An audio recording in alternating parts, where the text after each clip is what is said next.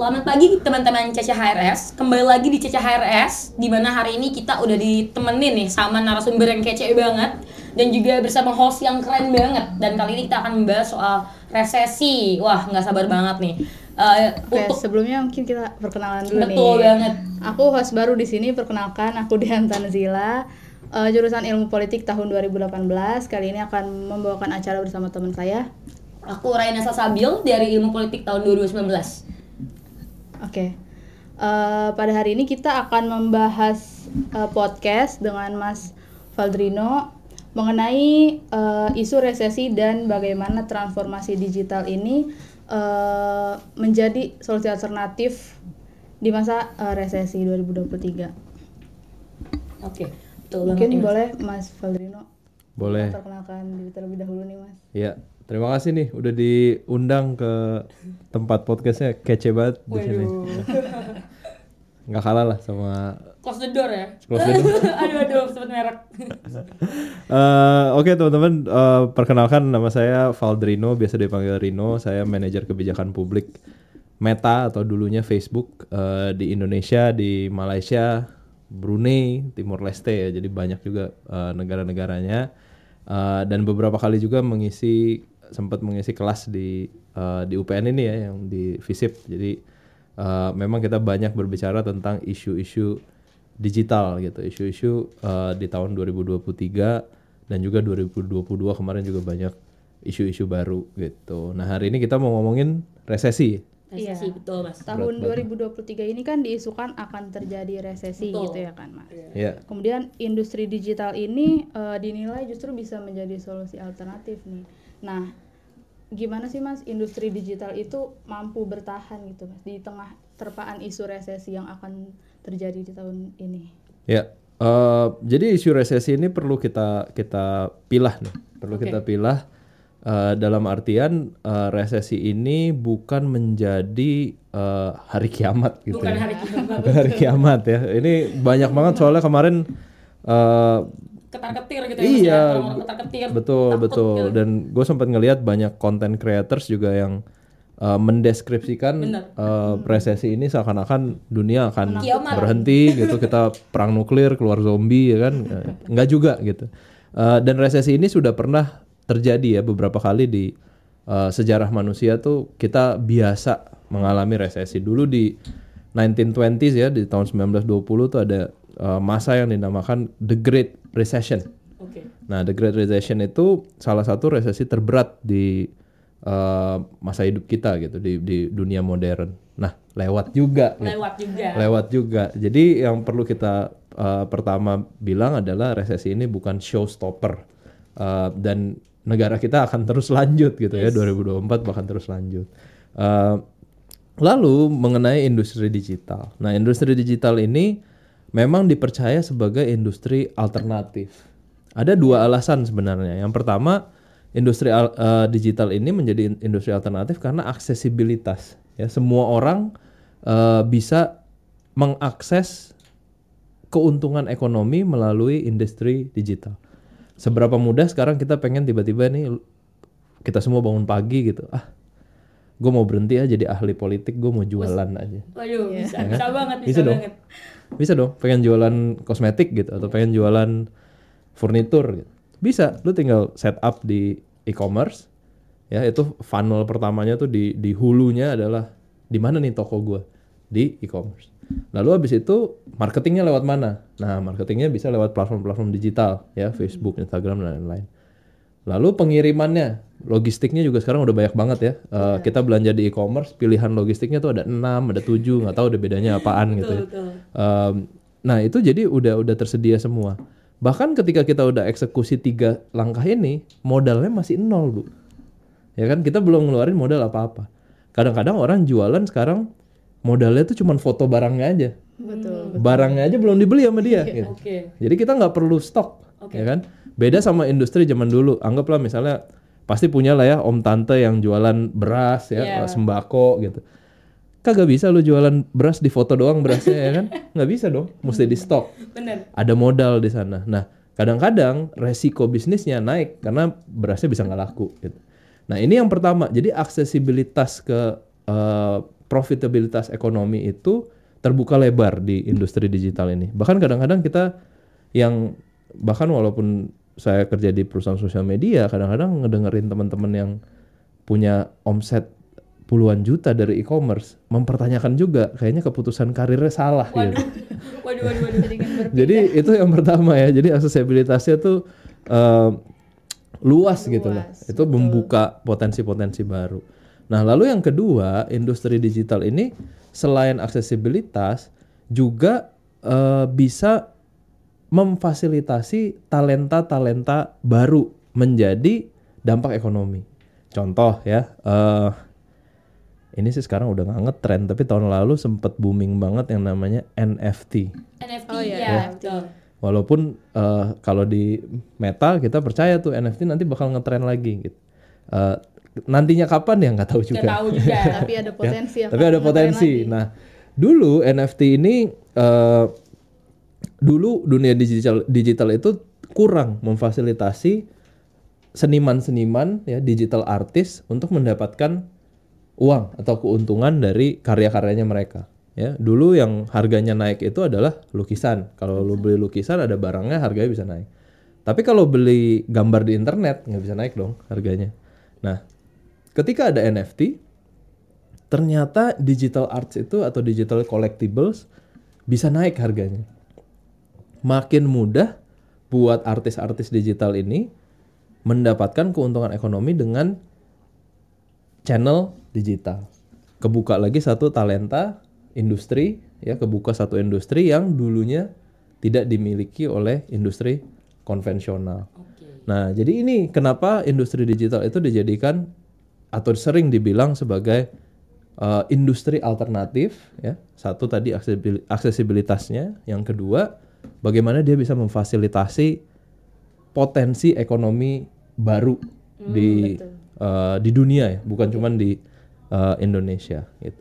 Tapi nanti kalau ditanya lagi industri digital bisa menopang resesi, ada pertanyaan itu nggak? Nggak ada. ya? Eh, tapi kayaknya boleh tuh mas Boleh dijelasin tuh, juga. kayaknya ide yang menarik ya. iya, bagaimana dia menopang resesi itu. Pasti kan ada upaya-upaya juga. Ya, Em, ya industri digital ini juga sama seperti industri lain ya, ada naik turunnya ya. Jadi kita nggak bisa bilang industri digital itu naik terus. Eh, terlebih kita sudah melewati tahun 2023.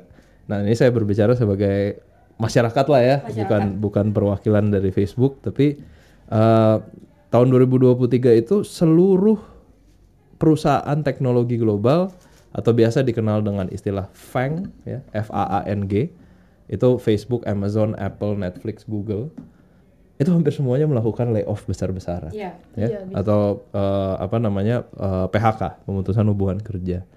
Ada yang 11.000 ribu ada 13.000 ribu orang 14.000 ribu. Jadi industri digital juga mengalami yang namanya naik turunnya industri. Bisa nggak industri digital menopang resesi?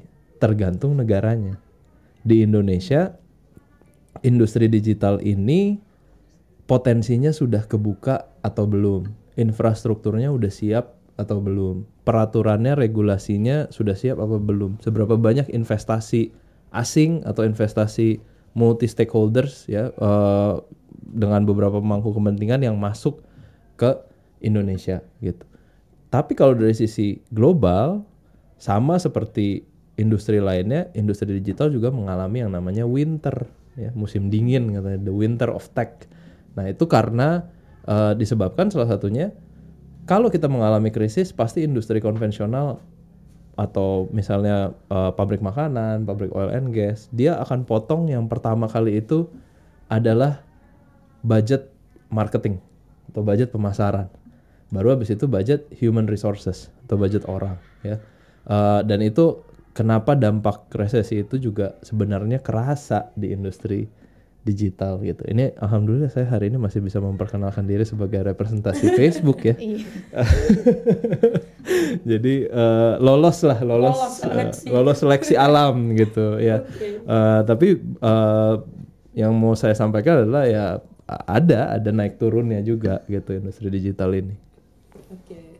Berarti kalau misal dibilang bisa menopang resesi itu tergantung kondisi ya mas. Cuma kalau dibilang juga. kemungkinan besar akan terus resilient, akan terus hadir. Hmm. Itu jawabannya bakal banget gitu ya Mas kurang lebih. Ya kalau resiliensinya sih eh ya bayangkan aja ya lima perusahaan itu ya. FAA, NG ya lima perusahaan ini eh mark, valuasi marketnya itu Apple aja sekarang dua setengah triliun dolar ya Facebook 500 billion, eh, billion dolar Eh, Amazon mungkin sekarang sekitar satu triliun Netflix sekitar 200 Google juga 1,2 triliun. Jadi kita berbicara eh, hampir berapa tuh? Mungkin 10 atau 10 triliun dolar lebih ya. 10 triliun dolar lebih tuh kalau dikali kurs rupiah berapa ya? Mungkin 15.200 nol, nolnya kebanyakan ya kalkulator nggak cukup gitu nah eh, jadi valuasi market ini juga menunjukkan relevansi dari industri tersebut eh, kepada ekonomi dunia nggak mungkin 10 triliun dolar industri ini ya anggaplah 10 triliun ya kalau salah-salah mohon maaf ya gitu ya 10 triliun dolar industri ini tiba-tiba dibilang yuk kita tutup yuk lima perusahaan ini ya. Nah, berapa orang tuh yang akan terdampak di seluruh dunia. Jadi resiliensinya perusahaan digital itu eh, 3 sampai 5 tahun ke depan akan terjaga karena mereka eh, bisa diargue ya, bisa diargumentasikan eh, dan ini sering dibilang orang too big to fail. Too big to fail. Too big to fail. Eh, tapi kalau ditanya setelah lima tahun, mungkin saya mau bilang too big to fail argument itu bisa jadi tidak kejadian lagi gitu. Oke.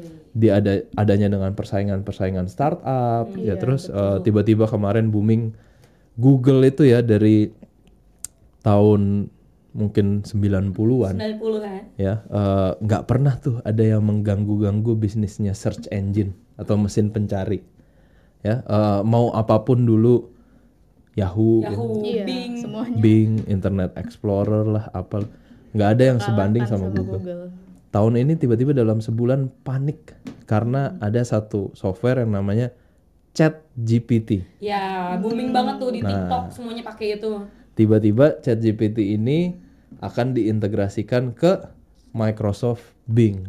Nah, pusing kan? Gimana cara bersaingnya? Dengan gue, ya, ya betul betul. Jadi kalau dibilang eh, apakah industri ini nantinya too big to fail, ya kalau dalam lima tahun mereka berhenti berinovasi, ya, apalagi juga ini dulu Facebook ya, eh, selama pertama kali kita pakai Facebook di tahun 2000 berapa ya 2008 gitu ya 2008 kita mulai pakai Facebook. Habis itu Facebook dikalahkan sama Instagram, eh yang notabene punya perusahaan Facebook juga gitu. Bukan dikalahkan lah, jadi kita pakai dua gitu Facebook. Nah selama hampir dua dekade itu tidak ada persaingan lain. Tiba-tiba eh, dua tahun ini muncul yang namanya TikTok, Iya. ya kan? Ada TikTok.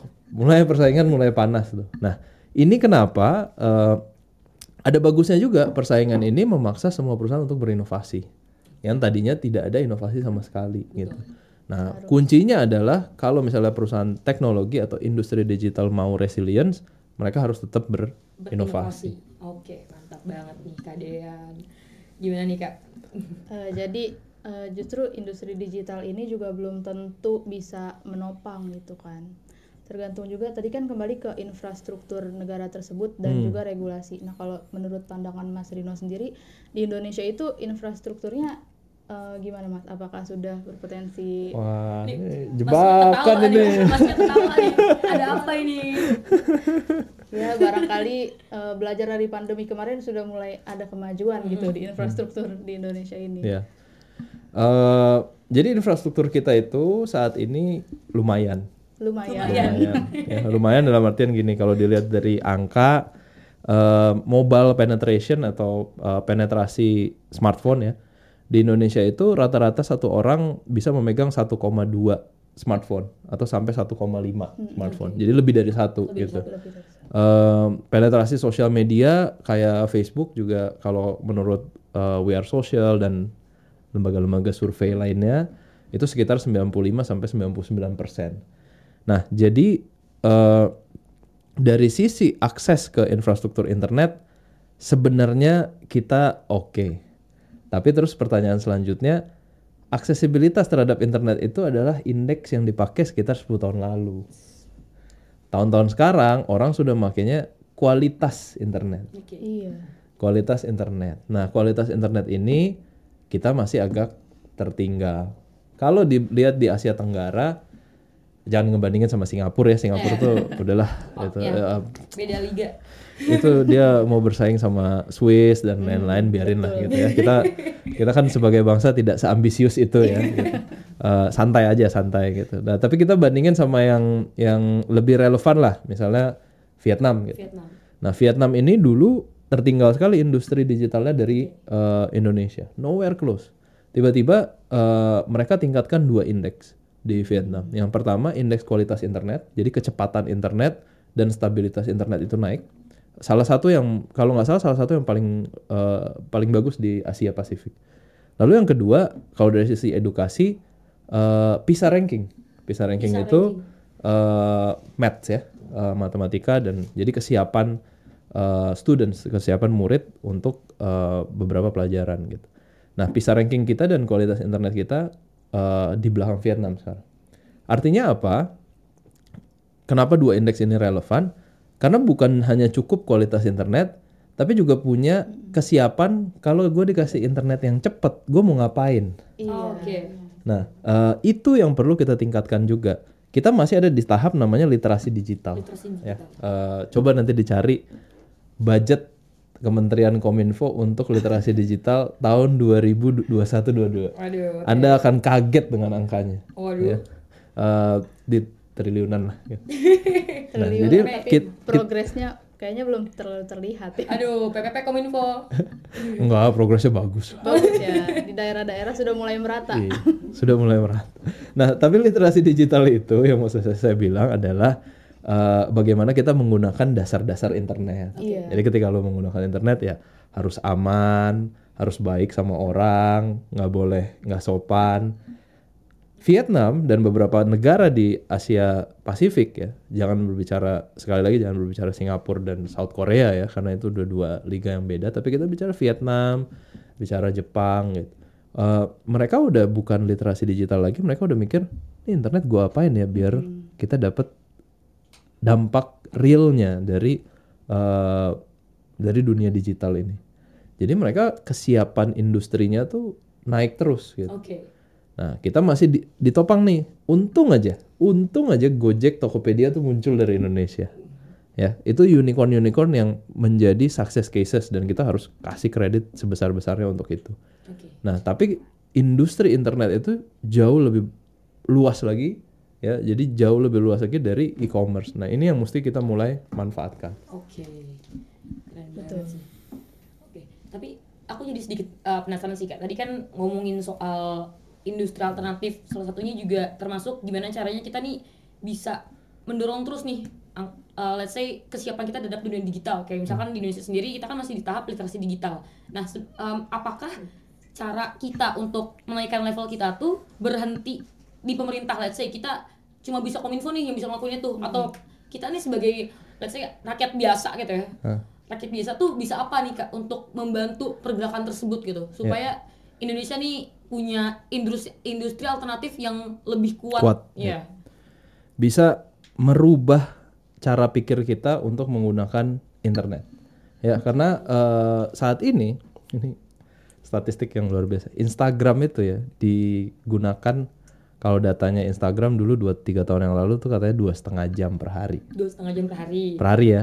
Eh, data sekarang kemarin eh, apa eh, ada riset yang bilang 4 jam. empat jam oke 4 jam. Jam. Jam kerja sehari 8 jam kan? 8 jam.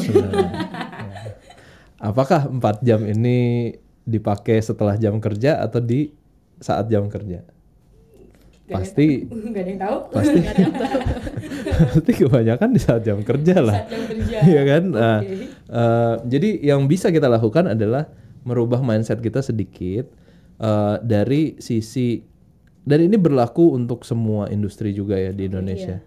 Eh, dari yang tadinya kita itu kebanyakan berpikir sebagai konsumen, nggak langsung nggak langsung loncat sebagai produsen deh. Kalau dari konsumen ke produsen tuh mungkin kesadarannya masih jauh ya. Tapi dari konsumen kita pakai hal-hal eh, apa namanya eh, internet ini untuk melengkapi diri kita dengan pengetahuan-pengetahuan baru. oke Dalam artian gini, konten yang ada di Instagram, TikTok gitu ya, Gitu. itu kebanyakan kan hampir 80% kalau kita scrolling. Anggaplah kita scrolling kuat 5 menit ya satu kali scroll. Itu 5 menit kan juga udah lama banget Udah ya. lama banget termasuk. Mungkin 2 menit lah ya, 2 menit. 90%-nya kan boleh nggak kalau saya bilang 90%-nya itu entertainment yang kita temui konten-kontennya, ya kan? Benar, 90% entertainment. 10%-nya bisa dibagi lagi, mungkin 5%-nya kuliner yang juga adalah entertainment. Baru mungkin 5% di ujungnya itu ada pengetahuan baru. Pengetahuan. Nah, sebenarnya di internet itu, dunia internet itu adalah eh, tempat paling bagus untuk kita dapat eh, ilmu pengetahuan baru. Oke. Bahkan sekarang bisa sertifi certified, Sertifikasi, ya, bisa sertifikasi gratis. Eh, Facebook punya, ya, saya nggak mau promosi Facebook doang gitu. Google juga punya, Google juga ya. Eh, Teman-teman mau belajar jadi marketing bisa, marketing eh, digital marketing. Iya, sekarang udah ada. dapat sertifikasinya dari Facebook dari Google. Bahkan itu eh, beberapa teman-teman yang alumni dari program-program ini menggunakan sertifikasi itu untuk apply pekerjaan. Betul. dan menambah eh, apa menambah pro- profil mereka gitu. Karena pernah mendapatkan sertifikasi dari Facebook dari Google dari mungkin yang dari lain-lain Amazon juga mungkin ada ya ini bukan kacang-kacang tesnya susah gitu saya pernah ngambil tesnya gagal dua kali jadi ini bukan kacang-kacang. Nah, eh, itu yang jarang kita gunakan. Betul. Sehingga ketika orang lain sekarang sekarang itu kalau kita bicara konten media sosial aja, orang tuh udah nggak berbicara video. Berbicara sekarang augmented reality. Oke. Nah, seberapa siap industri Indonesia mengetahui augmented reality? Augmented reality nanti pindah lagi virtual reality. Virtual reality baru nanti kita masuk ke eh, era yang kalau Zuckerberg bilang tuh metaverse ya. Metaverse. Metaverse. Nah, sekarang itu tugas kita adalah kalau kita sudah literat, se- literate sebagai eh, pengguna media digital, adalah untuk mempersiapkan diri kita untuk masuk ke industri masa depan ini.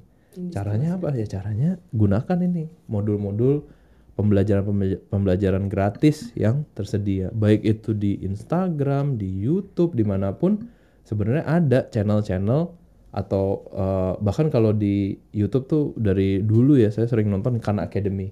Khan Academy ini ya isinya ilmu-ilmu baru semua gitu.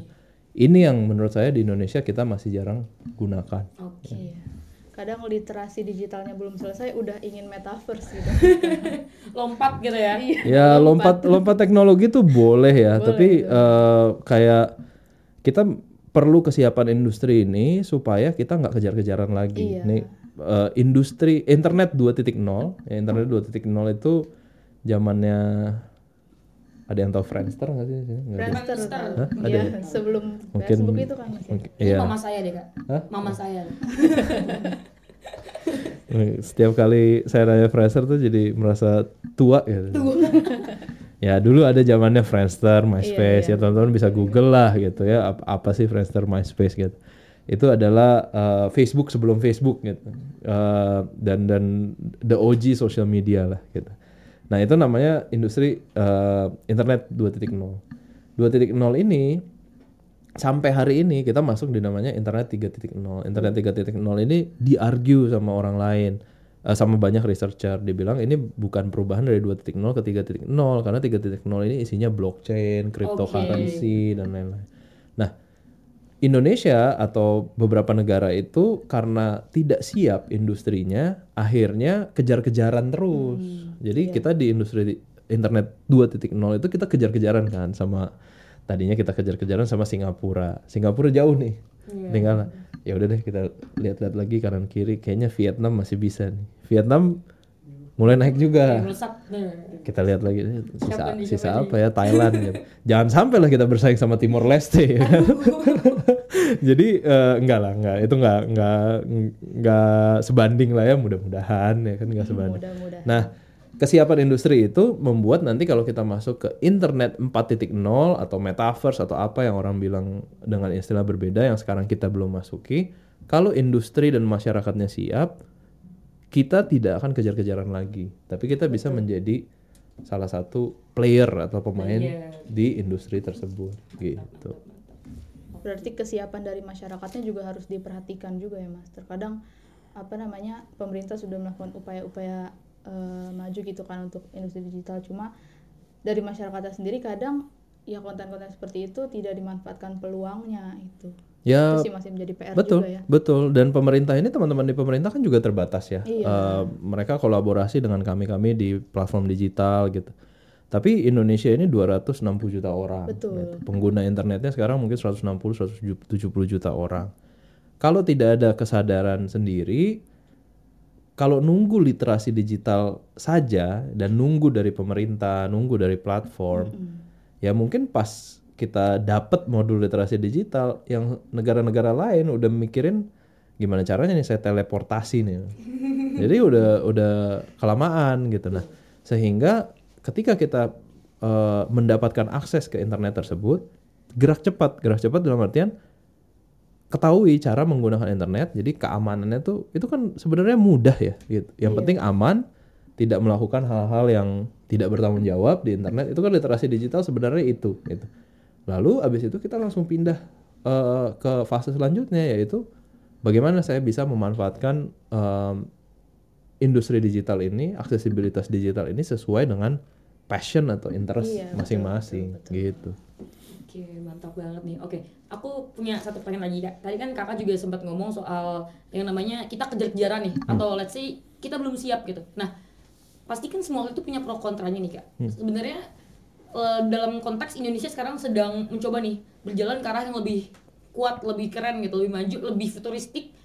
Apa hal-hal yang harus kita antisipasi nih kak? Karena let's say contohnya globalisasi banyak banget nih dampak positifnya, tapi juga ada hal-hal yang harus kita antisipasi. Nah dalam in- konteks industri alternatif apa nih? Apa hal yang harus kita antisipasi dalam eh, men- bergerak ke Indonesia menuju tingkat yang lebih maju gitu? Hmm. Wah banyak banget yang harus diantisipasi. Iya. Eh, Oke mungkin kalau industri digital eh, itu itu sesuatu yang sangat sangat lebar ya. Iya, Gue gue nggak tahu tuh yang mesti diantisipasi dari A, A, A to Z gitu ya. Jadi banyak banget. Tapi kalau kita berbicara dari industri platform, ya, platform digital aja nih, ya, platform digital itu sebenarnya eh, resiko yang harus kita an- antisipasi tuh banyak. Eh, salah satunya misalkan ya kalau tadi kita udah berbicara kesiapan infrastruktur. Kesiapan infrastruktur itu bagian dari eh, teman-teman pemerintah lah, ya. Itu, itu bukan sesuatu yang kayak ah gue mau meningkatkan internet di desa gue tarik kabel gitu. Nggak bisa. Lo mesti punya izin lo mesti punya lain-lain sehingga bisa menjadi internet service pro- provider gitu. Jadi itu teman-teman di kominfo lah porsinya. Eh, tapi ada juga potensi misalnya kalau yang banyak di di eh, perdebatkan gitu ya potensi dampak dari echo chamber ya eh, semua media sosial semua platform digital itu memiliki satu hal yang orang dari dari dulu mencoba-coba ya mencoba-coba untuk eh, mengerti gitu yang namanya algoritma Oh iya betul. Nah itu algoritma ini kan diperdebatkan membuat uh, echo chambers. Kenapa echo chamber menjadi uh, atau topik echo chamber ini menjadi penting? Karena echo chamber ini berhubungan langsung dengan uh, aspek kehidupan kita yang lain. Ya, Indonesia tepat banget. Ini tanggal 14 Februari. Valentine. Tiga bukan Valentine. bukan Valentine. 365 hari dari sekarang kita harus pemilu lagi Nah betul sekali. ya jadi ini tepat hari ini eh, satu tahun dari pemilu 2024 echo chamber bisa berdampak terhadap eh, perilaku masyarakat dalam eh, pemilihan umum Oke. dan tentunya kalau ada dampak negatifnya itu kan jadi apa eh, economic risk juga ya resiko ekonomi banyak orang-orang yang mau berinvestasi kadang-kadang tuh kalau di tahun pemilu mereka tuh nahan Iya. ya mereka nahan karena mereka pikir ini stabilitasnya gimana Oke. gitu. Iya, betul Nah, betul. jadi echo chamber ini punya dampak ke sana jadi itu yang salah satu yang bisa kita a- yang harus kita antisipasi dan kenapa literasi digital itu masih relevan ya jadi gue dari tadi bukan melawan gerakan literasi digital enggak tapi literasi digital itu punya perannya sendiri Oke. Nah, eh, lalu mungkin yang yang kedua yang harus diantisipasi adalah bagaimana industri digital ini bisa memastikan talenta-talenta digital itu bertumbuh di Indonesia. Iya harus. Ya, jangan, jangan negara lain lah, Indonesia aja. Talenta digital itu harus bertumbuh. Eh, ini banyak jadi pekerjaan rumah karena kalau industri digitalnya tumbuh, talenta digital yang nggak tumbuh, itu industrinya juga perlahan-lahan akan melambat. Oke. Nah, eh, itu kenapa ada beberapa negara yang investasi asing untuk industri digitalnya tinggi banget jika dibandingkan negara lain. Anggaplah beberapa tahun terakhir India ya. India. India tuh sekarang udah jadi kayak pokoknya lu kalau perlu sesuatu yang berhubungan dengan IT taruh di India deh gitu. Ke India, ya betul. Kenapa? Karena talent, karena talentnya banyak, supply-nya banyak. Oke. Akhirnya price turun, ya harga turun. Karena talentnya banyak, persaingan terjadi. Sehat nggak sehat ya urusan pemerintahnya untuk meregulate gitu.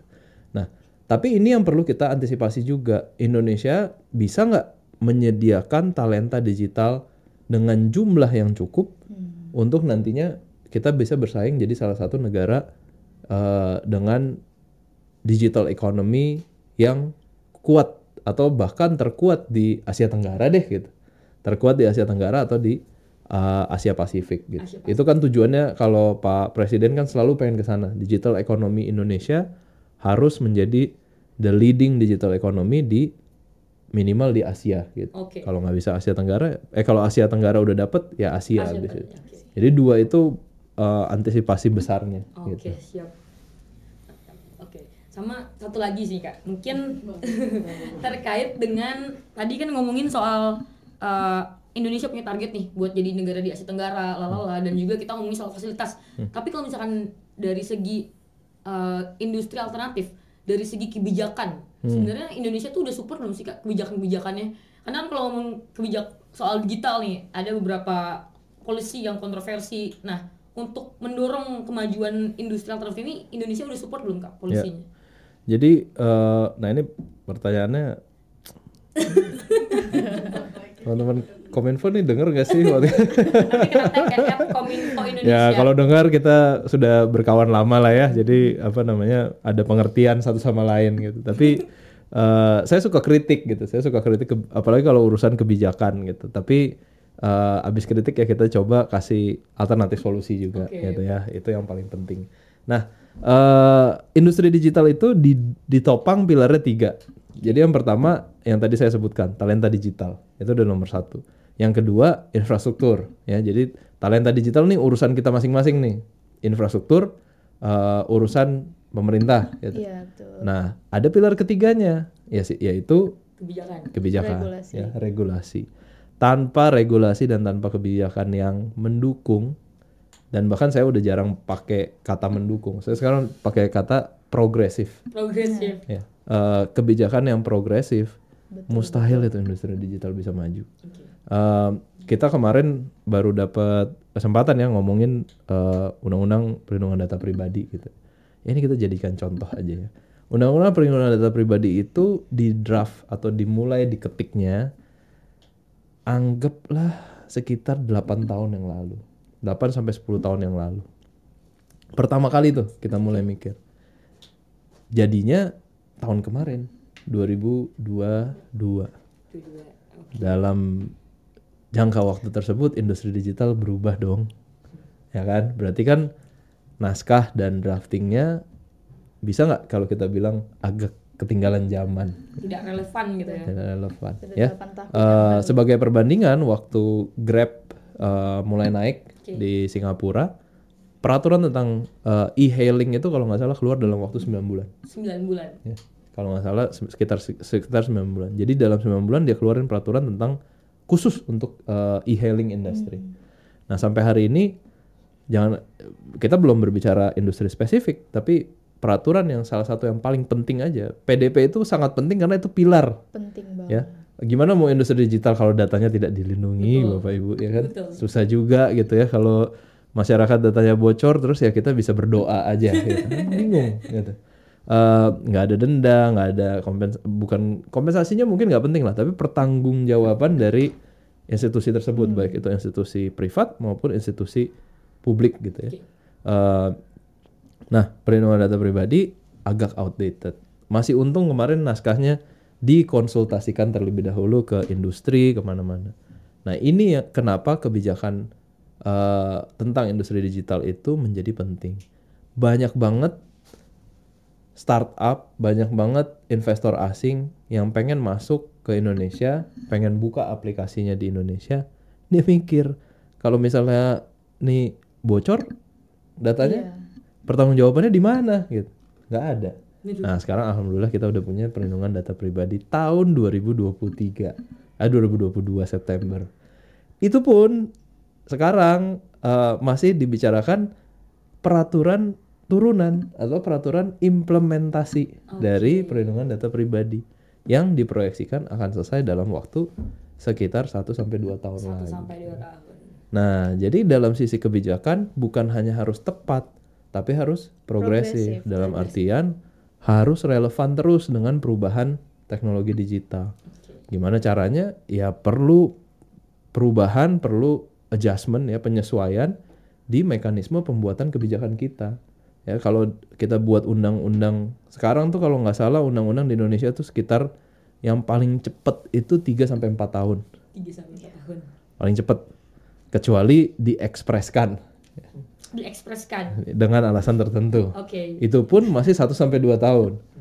Jadi ini eh, gimana regulasi dari sisi sek- dari sektor kebijakan bisa cope up dengan teknologi ya. nggak akan pernah nggak akan pernah sebanding, nggak akan pernah setara, tapi minimal progresif dan minimal eh, mekanisme prosesnya tuh bisa menopang. oke baik waduh berarti banyak banget nih PR Indonesia ya kak Dian ya Banyak sekali. Optimis lah. Optimis. Optimis. Tetap optimis, cuman PR banyak. oke Karena Indonesia juga ya lumayan potensial juga sih kalau saya lihat. potensi eh, dan dan kalau ini saya quote apa eh, salah satu pemikir ternama di Indonesia ya Pak Gita Wirjawan gitu. Kan Idola- beliau kalau di saya tuh. ya kan karena podcastnya bagus ya. Bagus.